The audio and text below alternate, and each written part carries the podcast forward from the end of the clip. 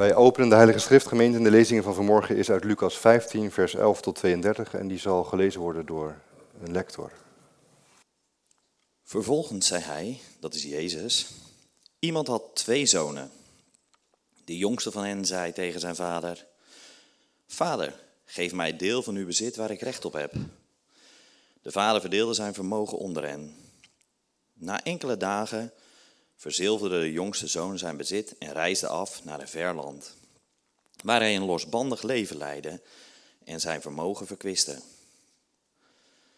Toen hij alles had uitgegeven, werd het land getroffen door een zware hongersnood en begon hij gebrek te lijden. Hij vroeg om werk bij een van de inwoners van dat land, die hem op het veld zijn varkens liet hoeden. Hij had graag zijn maag willen vullen met de peulen die de varkens te eten kregen, maar niemand gaf ze hem. Toen kwam hij tot zichzelf en dacht: De dagloners van mijn vader hebben eten in overvloed en ik kom hier om van de honger. Ik zal naar mijn vader gaan en tegen hem zeggen: Vader, ik heb gezondigd tegen de hemel en tegen u. Ik ben het niet meer waard uw zoon genoemd te worden. Behandel mij als een van uw dagloners. Hij vertrok meteen en ging op weg naar zijn vader. Zijn vader zag hem in de verte al aankomen. Hij kreeg medelijden en rende op zijn zoon af, viel hem om de hals en kuste hem. Vader, zei zijn zoon tegen hem, ik heb gezondigd tegen de hemel en tegen u. Ik ben het niet meer waard uw zoon genoemd te worden. Maar de vader zei tegen zijn knechten, haal vlug het mooiste gewaad en trek het hem aan. Doe een ring aan zijn vinger en geef hem sandalen. Breng het gemeste kalf en slacht het. Laten we eten en feest vieren, want deze zoon van mij was dood en is weer tot leven gekomen. Hij was verloren en is teruggevonden. En ze begonnen feest te vieren. De oudste zoon was op het veld en toen hij naar huis ging en al dichtbij was, hoorde hij muziek en gedans. Hij riep een van de knechten bij zich en vroeg wat dat te betekenen had. De knecht zei tegen hem: uw broer is thuisgekomen en uw vader heeft het gemeste kalf geslacht, omdat hij hem gezond en wel heeft teruggekregen. Hij werd woedend en wilde niet naar binnen gaan, maar zijn vader kwam naar buiten en trachtte hem te bedaren. Hij zei tegen zijn vader, al jarenlang werk ik voor u en nooit ben ik ongehoorzaam geweest als u mij iets opdroeg. En u hebt mij zelfs nooit een geitenbokje gegeven om met mijn vrienden feest te vieren. Maar nu die zoon van u is terug thuisgekomen, die uw vermogen heeft verkwanseld aan de hoeren, hebt u het voor hem het gemeste kalf geslacht. Zijn vader zei tegen hem, mijn jongen, jij bent altijd bij me en alles wat van mij is, is van jou. Maar we konden toch niet anders dan feest vieren en blij zijn, want je broer was dood en is weer tot leven gekomen. Hij was verloren en is teruggevonden. Gemeente van onze Heer Jezus Christus, die gelijkenis die wij zojuist gehoord hebben, is misschien wel de bekendste gelijkenis die Jezus ons verteld heeft. De gelijkenis van de verloren zoon, zo staat die bekend. Dat is natuurlijk wel begrijpelijk, maar toch niet helemaal terecht, denk ik. Alleen al vanwege het feit dat het niet gaat om één, maar om twee zonen. En de vraag die aan het einde van de gelijkenis toch ook blijft hangen is of niet ook die andere zoon als verloren moet worden beschouwd. Want hij blijft immers buiten en wil niet meedoen met het feest. Zouden we het dan moeten hebben over de gelijkenis van de verloren zonen in meervoud? Nee, dat toch ook niet, dacht ik. Want volgens mij ligt de focus van deze gelijkenis niet op de zonen, maar op de vader. Iemand, een zeker mens, had twee zonen. Zo begint Jezus. Jezus wil onze aandacht voor de vader. Over hem moeten wij het dus hebben vanmorgen. Over wat hij doormaakt. Over hoe hij reageert op de situatie die door zijn zonen wordt gecreëerd. Hoe hij daarmee omgaat. Ik denk dat wij alleen door ons te richten op de Vader de gelijkenis ook echt kunnen ervaren als evangelie. Dat wil zeggen als goed nieuws, als bron van vreugde die komt en nooit meer weggaat. Dat de aandacht in deze gelijkenis meestal uitgaat naar de verloren zoon, dat zegt wel iets. Dat zegt denk ik vooral ook iets over de prediking van de kerk. Misschien wel meer dan over de gelijkenis zelf. Dat geldt denk ik voor alle drie de gelijkenissen uit Lucas 15. Ze staan bekend als de gelijkenis van het verloren schaap, het verloren muntje en de verloren zoon. Daarin staat tot drie keer toe het negatieve voorop, dat wat kwijt is. Terwijl je even goed ook zou kunnen zeggen, het gaat om het gevonden schaap en het gevonden muntje en de hervonden zoon. Ik dacht, blijkbaar is het in de kerk niet anders dan in de samenleving. Wij vinden het veel makkelijker om het negatieve in het nieuws voor het voetlicht te brengen dan het positieve. Onze aandacht gaat als vanzelf uit naar het donkere, het ellendige, het negatieve, in plaats van naar het positieve, het lichte en het goede. En toch dacht ik, we hebben de gelijkenis nog niet helemaal begrepen als wij dat negatieve zouden vervangen door het positieve. Als wij het donkere zouden vervangen door het lichte. Als wij het verloren zouden zijn, vervangen zouden door het gevonden zijn. Zoals het denk ik ook de kerk niet wezenlijk verder helpt door een sobere en voor sommigen sombere liturgie te vervangen door een vrolijke en lichte liturgie met alleen maar fijne liedjes. Dat kan ook een tendens zijn, een mode, die ook wel in onze samenleving heel sterk is. Dat alles positief moet zijn. En dat wat er toch ook is, namelijk het negatieve, het kritische, dat dat niet meer benoemd mag worden. Alles moet fijn zijn en mooi. Zo zouden we ook in de kerk met de dingen kunnen omgaan. Maar nog denk ik dan, dan missen wij de kern van de gelijkenis. Want het is Jezus te doen om God zelf. Het gaat in de gelijkenissen en telkens in het evangelie om de levende God. Om wat Hij is en wat Hij doet. En om de vreugde die van Hem is, die wij onszelf niet kunnen geven, maar die wij door Jezus wel kunnen ontvangen. De vreugde van God, daar gaat het volgens mij over. De vreugde van God is als de vreugde van een herder die zijn verloren schaap hervindt. De vreugde van God is als de vreugde van een vrouw die haar ene muntje kwijt is en het uiteindelijk na het hele huis op zijn kop te hebben gezet terugvindt. De vreugde van God is als een vader die zijn zonen hervindt. God is als een vader. En tegelijk is hij meer. Hij is ook de Vader. Zo leert Jezus ook ons tot Hem te bidden. Onze Vader die in de hemelen zijt. En Paulus die schrijft ergens in een van zijn brieven, wij, wij zijn van Gods geslacht. Wij zijn dus kinderen van God die God tot onze Vader in de hemel hebben. Wij behoren Hem toe. Om Hem gaat het in dit leven en op Hem moeten wij voortdurend letten. En als wij zo naar de gelijkenis luisteren, ontdekken wij ook dat Jezus het heeft over ons. Van begin tot eind wordt deze gelijkenis bepaald door de geheimzinnige presentie van de Vader. Iemand had twee zonen. Dat is het begin. Dat is Gods gezin, zou je kunnen zeggen. Het is een gezin waar vrede heerst. Wat voor vrede? Ik zou zeggen, een vrede die alle verstand te boven gaat. Het geheim van die vrede, dat verwoordt de vader ook aan het einde tegen zijn oudste zoon. Als hij zegt, mijn zoon, jij bent toch altijd bij mij en alles wat van mij is, is van jou. Dat is de vrede. Maar dan klinkt er onbegrijpelijk en als een soort onverklaarbare bliksemschicht uit het niets, als een schrille wanklank. Vader, geef mij het deel van de erfenis waarop ik recht heb. En daarmee is de vrede verbroken. Dat is meer dan een klap in het gezicht van de vader. De zoon zegt de relatie op met zijn vader. Hij zegt het kind zijn op. Hij wil leven alsof de vader er niet is.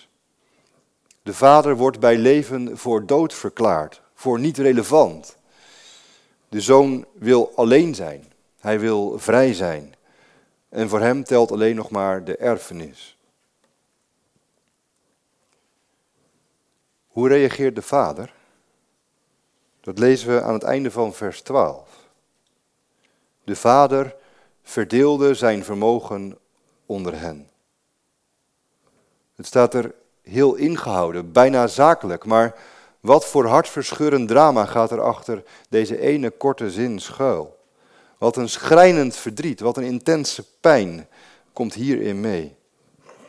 Wij leven in de 40 dagen tijd ook wel de lijdenstijd genoemd.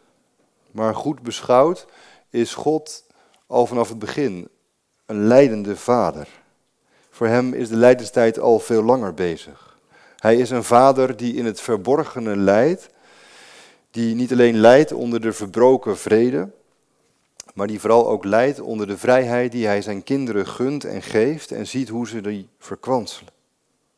Want let op, de vader verdeelde zijn vermogen onder hen, staat er. Dus niet alleen de jongste krijgt de erfenis, maar ook de oudste krijgt zijn deel. Beide zonen krijgen de erfenis.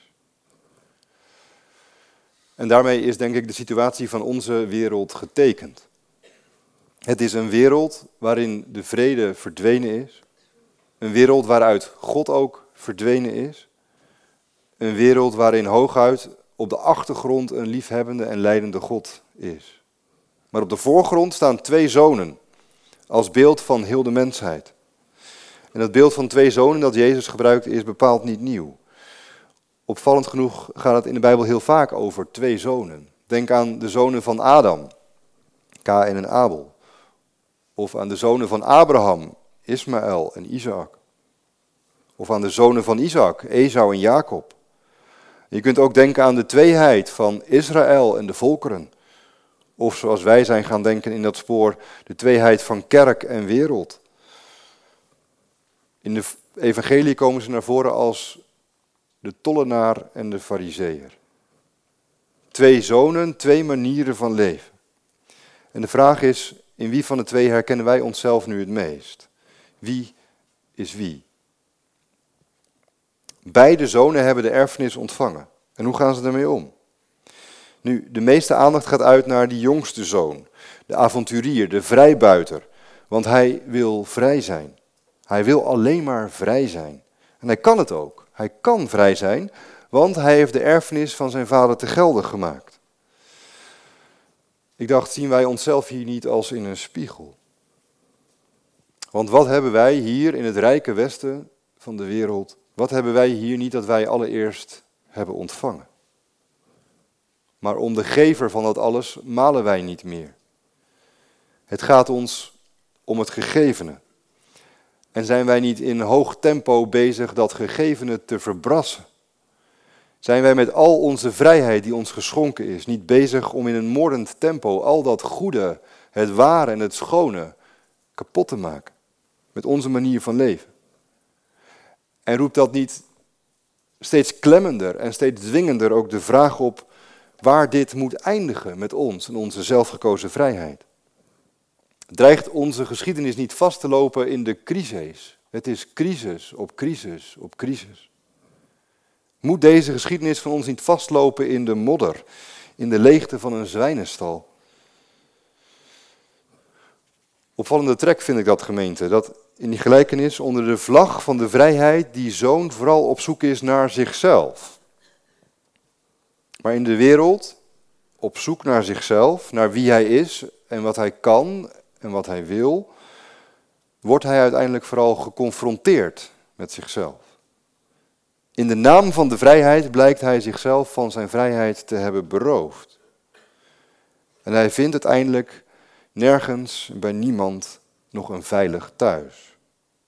Ten slotte zit hij vast in de modder en de drek van het bestaan. Dat roept wel een fundamentele vraag op. Want wat blijft er van een mens over als die mens zichzelf niet meer thuis voelt in de vrijheid van Gods kinderen? Als de mens zich niet meer spiegelt in het gelaat van God boven ons? Dan blijft hem eigenlijk niets anders over dan zich te spiegelen in de dieren beneden hem. En dan blijkt dat zelfs de varkens het nog beter hebben dan hij. Want zij hebben tenminste te eten. En zij hebben geen geweten dat hen aanklaagt. En dat heeft die jongste zoon wel. Hij heeft een geweten. Hij is zelfreflexief. Dat onderscheidt ons blijvend van de dieren. Wij weten dat wij een zelf hebben en wij kunnen over onszelf nadenken en over onszelf praten. En dat geweten onderscheidt ons dus blijvend. De kerk heeft dat altijd de ziel genoemd. En wij kunnen dat misschien heel lang ontkennen, maar uiteindelijk, in de leegte van het bestaan, komt de jongste zoon tot zichzelf, staat. Niet alleen zijn maag, maar vooral zijn ziel is leeg en hongerig. en hij herinnert zich de Vader. De mens herinnert zich God. Dat is onze oneindige verhevenheid boven de dieren. Maar tegelijk is het ook onze intense tragiek. Want wij hebben alleen nog maar de herinnering aan God. We hebben alleen nog maar de herinnering aan de Vader en aan de vrede die er heerste. Maar die vrede kunnen wij niet herstellen. Wij kunnen de geschiedenis niet ongedaan maken. Wij kunnen het niet meer herstellen. Wij zijn niet vrij om onszelf thuis te brengen in de vrijheid van Gods kinderen. Het enige dat ons te doen staat wat wij kunnen doen, is eerlijk worden over onszelf. Eerlijk over onze menselijke situatie. En het hoogste dat de mens dan kan doen, is dat wat de jongste zoon hier ook doet. Hij erkent zijn verantwoordelijkheid over zijn leven. Hij zegt niet, het ligt aan de omstandigheden, het ligt aan de anderen. Dat antwoord hoor je heel vaak. Dat is het makkelijke, het goedkope antwoord. Maar hij, hij zegt het moeilijke, het eerlijke. Het ligt aan mij. Ik heb het gedaan. Ik heb gezondigd.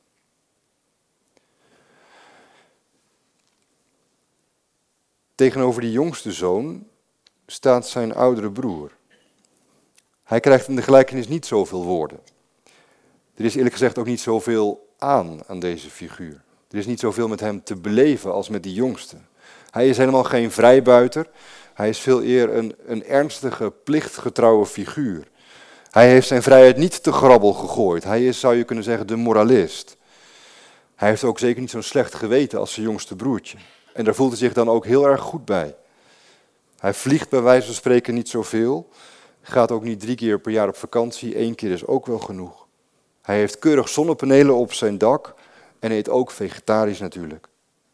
Hij heeft geen behoefte om de bloemetjes buiten te zetten. Hij weet wel dat het leven zijn vervulling heeft in de grenzen, in de uiterste, maar hij weet ook nog meer dat het leven zijn behoud heeft in het midden.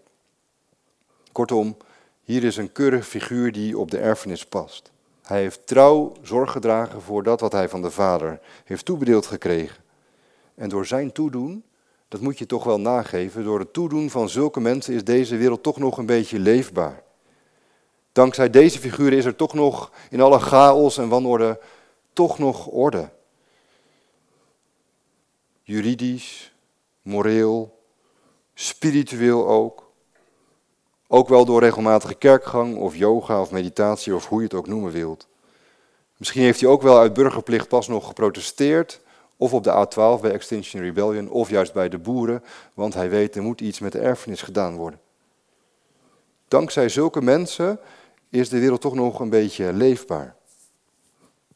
Maar weet u wat nou het schrijnende is? Ook bij hem is de vrede ver te zoeken. Hij kijkt niet alleen vol minachting neer op zijn broertje, maar voor hem is de vader even goed uit beeld. Voorbij, dood. Hij heeft geen oog voor de gever, alleen voor het gegevene. En hij toont zich ook totaal onverschillig voor het kloppend hart van zijn vader, voor zijn barmhartigheid. Sterker nog, achter die levenshouding van die oudste zoon blijkt vooral boosheid te liggen. Intense boosheid en ergernis. Maar die is vooralsnog verborgen achter een dikke laag keurigheid. Die boosheid en die ergernis die komt pas aan het licht als de vader zijn barmhartigheid toont en ook hem aanspreekt op de mogelijkheid om mee te doen met het feest dat de vader wil aanrichten. Twee zonen, twee broers, twee manieren van leven. In wie herkent u zich nou het meest? In wie herken ik mij het meest? Dat is de vraag. Maar er was ook nog een andere vraag. Want God dan? Om hem ging het immers. Wat is er ondertussen gebeurd met de vader? Wat heeft het hem gedaan dat de erfenis zo is opgedeeld? En wat heeft het met de vader gedaan dat zijn zoons doen zoals ze doen? Wat doet het met de vader als zijn zonen doen alsof hij er niet is? De vader is op de achtergrond. God is de verborgene. Maar zo is en blijft hij wel God. Hij is en blijft de eeuwig rijke God, zelfs als hij zijn erfenis verdeelt onder zijn kinderen. Maar hij is en blijft toch vooral de liefhebbende vader. Hij is en blijft de vader met een hart dat klopt voor zijn kinderen, zelfs als zij doen alsof hij er niet is, zelfs als ze zijn bestaan ontkennen en hem bij leven voor dood verklaren. Hij is en blijft de vader die met innerlijke ontferming bewogen is. De vader die elke dag op de uitkijk gaat staan of hij een van zijn zonen ziet terugkomen. De vader die het niet te doen is om de bezittingen, om het gegevene, maar om de relatie, om de verhouding met zijn kinderen, om de liefde die blijft als al het andere voorbij gaat. Zo laat Jezus ons zien wie God is. Jezus, de Zoon, openbaart ons de Vader in de hemel. En Jezus, de Zoon, openbaart ons ook wie wij zijn. Hij is ons in alle dingen gelijk geworden, zonder te zondig. En hij laat ons niet zozeer zien wat er nu van ons geworden is. Dat kunnen we dagelijks ook lezen in de krant. Dat kun je ook zelf ervaren als je eerlijk wordt. Nee, Jezus wil ons vooral laten zien wat wij worden kunnen. Jezus herinnert ons niet zozeer aan onze verloren geschiedenis. Hij wijst ons vooral op een toekomst die wij kunnen binnengaan. Hij laat ons zien waartoe wij bestemd zijn. En dat is zoveel meer dan wij ooit voor mogelijk en werkelijk zouden houden. Want waartoe zijn wij bestemd? Wij zijn bestemd om veel meer te zijn dan de varkens en de andere dieren. Wij zijn ook bestemd om meer te zijn dan schuldbewuste knechten die weten dat ze hun vrijheid hebben verkwanseld. En ja, wij zijn ook bestemd om meer te zijn dan jaloerse zonen die een ander niks gunnen en het gevoel hebben zelf tekort te komen. Waartoe zijn we dan bestemd? Wij zijn bestemd voor de vreugde. De vader zegt het zelf in de gelijkenis. Laten wij dan eten en feest vieren, want deze zoon van mij was dood en hij is weer levend geworden. Hij was verloren en is gevonden. Voor die vreugde zijn u en ik en wij allemaal bestemd. Wij zijn bestemd voor het leven en de vreugde in de vrijheid van Gods kinderen. Maar hoe dan? Hoe kunnen wij daarin delen? Niet door alleen maar bezig te blijven met ons eigen doen en laten, zoals die oudste zoon. Zolang wij opgesloten blijven zitten in onze moraal, in ons denken en doen, missen wij de vreugde. In het licht van de vreugde en de vrijheid van de vader leidt die houding van de oudste zoon alleen maar tot ergernis. Maar we komen er ook niet door ons te bekeren en ons tekort te beseffen zoals de jongste zoon. Dat is wel zijn hoogheid. Dat moeten we hem nageven. Dat hij tot zichzelf komt en zegt: Ik zal opstaan. En tot mijn vader zeggen: Ik heb gezondigd. Maar bekering, of hoe je dat ook noemen wil, dat blijft zo ontzettend ver achter bij de vreugde die de vader heeft. Hoe dan? Hoe kunnen we er dan in delen? Alleen door de vader de vader te laten zijn. Dat wil zeggen, alleen door de Vader ons te laten omvatten door Zijn liefde. Alleen door ons te laten overweldigen door Zijn onvoorwaardelijke barmhartigheid.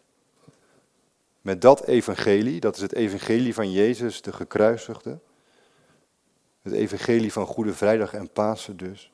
Met dat evangelie staat Paulus ook op het wereldtoneel. We hebben zijn woorden gehoord vanmorgen. Het is God die door Christus de wereld met zichzelf heeft verzoend. Hij heeft haar de overtredingen niet aangerekend. En wij, wij zijn gezanten van Christus. God doet door ons zijn oproep. Namens Christus vragen wij u, laat u met God verzoenen. Lof zij u Christus. Amen.